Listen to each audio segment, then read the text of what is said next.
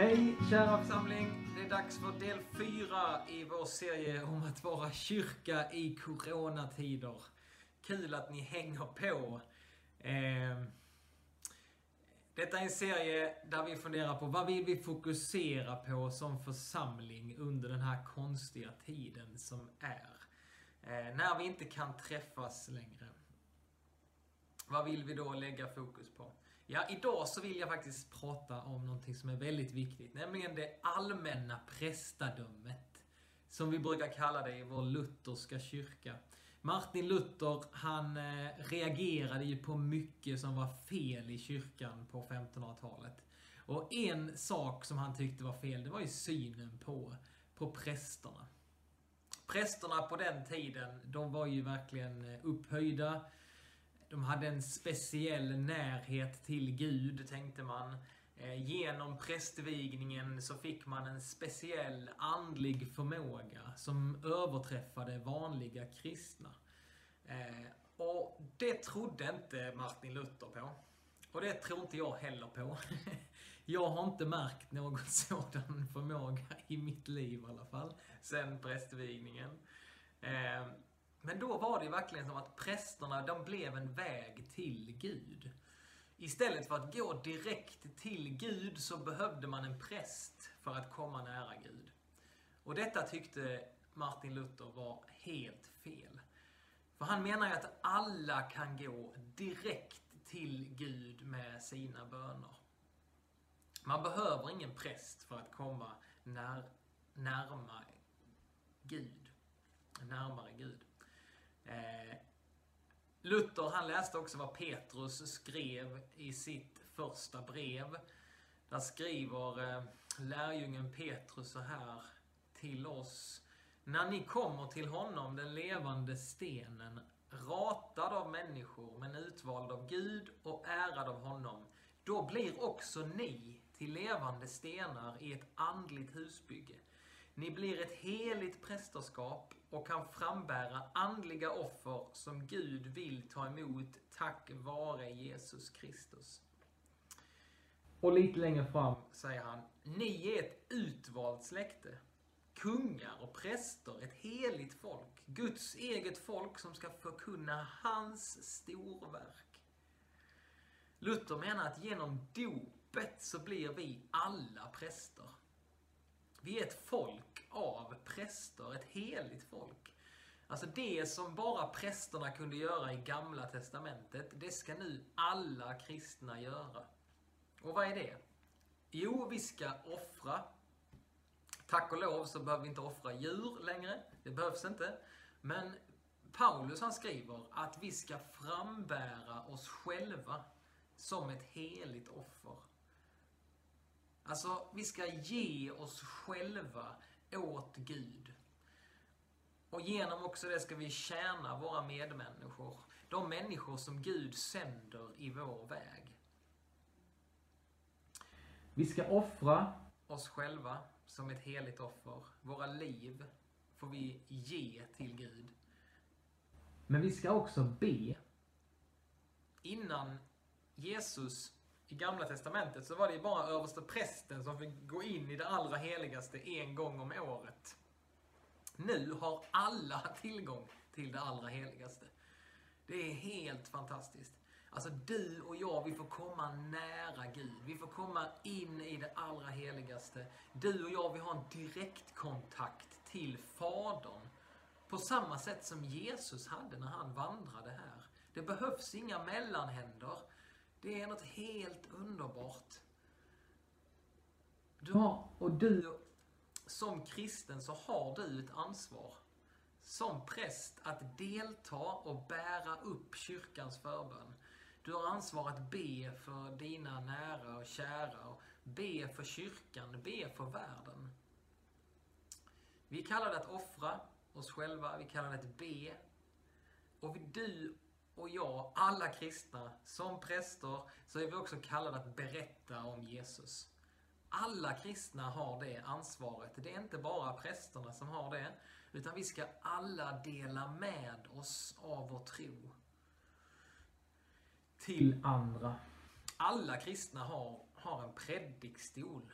där budskapet om Jesus ska predikas. Så vet du vad din predikstol är? Det är frågan.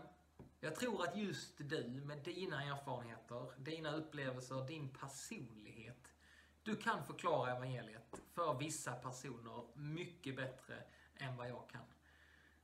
Och på det sättet så tror jag att Gud, han har placerat ut oss på olika ställen. För att vi, så som vi är, ska få kunna dela med oss av vår tro till andra. Be, offra och vi ska berätta om Jesus. Det är vårt ansvar som vi har allihopa. Varför tar jag upp detta nu då? Jo, för att jag vill att ni ska veta detta nu, under den här perioden. Och när perioden är över så vill jag att du ska veta det, att du är präst. Det innebär att sätt igång. Alltså led bönen i ditt hem. Led bönen i din familj. Ta fram Bibeln och läs. Läs för dina barn. Samla familjen, hushållet. Led lovsången. Fira gudstjänst. Det går så bra att göra det hemma hos dig. Så var och en av oss, vi får ta ansvar för vårt eget gudstjänstliv och för vår familjs gudstjänstliv.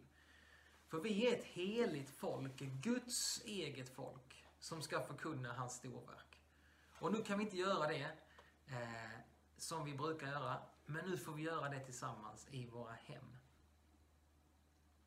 Detta att tala om det allmänna prästadömet, det är också bara ett annat sätt att förklara att vi är alla kallade att likna Jesus och göra det som han gjorde, att följa honom.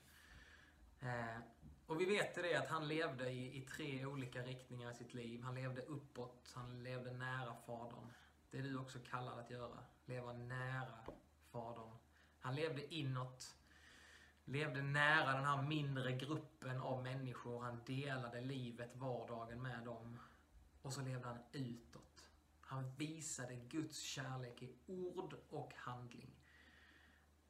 Och alla de här tre riktningarna, det kan vi göra. Även i den här tiden. Vi är kallade att likna honom, att leva ut det livet i vår vardag. Eh, så jag vill bara säga att du kan. Du kan, du kan. Och så vill jag bara uppmuntra att ta vara på den här krisen. Låt inte den här krisen gå förbi utan att Gud har fått göra någonting i ditt liv. Att han har fått göra det som han vill göra. Ta vara på krisen. Alltså när den är över, låt inte då du ha bara blivit en soffpotatis. En seg människa. Utan ta vara på krisen. Så när den är över så har du vuxit i din relation till Jesus. Du har blivit starkare i honom. Mer grundad i hans ord och i hans gemenskap.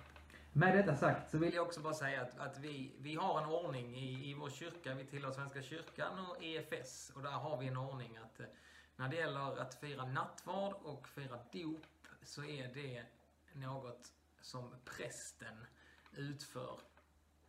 Och det är inte på grund av att jag har en speciell förmåga, utan det är på grund av att det är en ordningsfråga. Ehm, och vi väljer att följa den ordningen och respektera det. Jag tycker själv att det är en väldigt god ordning. Men är det så att du vill fira nattvard i ditt hem under den här tiden så vill jag jättegärna komma hem till er. Vi kan fira en enkel nattvardsgudstjänst. Ehm, men det är inte så att det blir nattvard på grund av att prästen är med. Utan det sker på grund av Guds ord och Guds löften. Men eh, vi följer de ordningar som, eh, som, har, som EFS och Svenska kyrkan har. Detta hör ihop också väldigt mycket hur jag tänker att vi bygger församling i EFS Helsingborg. Ehm, alltså själva potentialen i vår församling. Det, det handlar inte om hur, hur, bra präst vi har eller hur bra musiker vi har. Utan potentialen i vår församling finns i varje unik medlem som vi har. Att att varje medlem får se sig som en präst. Att varje kristen i EFS-kyrkan får, får, får börjar förstå det att jag är präst, jag har ett heligt uppdrag.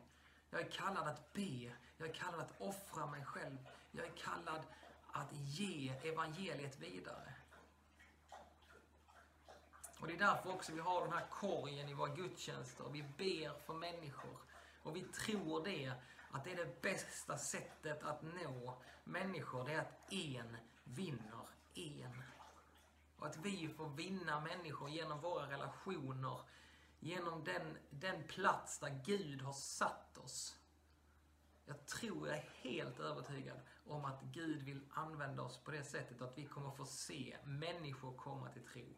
Så håll ut och förstå att du är en präst och ett heligt uppdrag från himmelens Gud. Eh, Gud välsigne dig. Så eh, ses imorgon igen. Hej.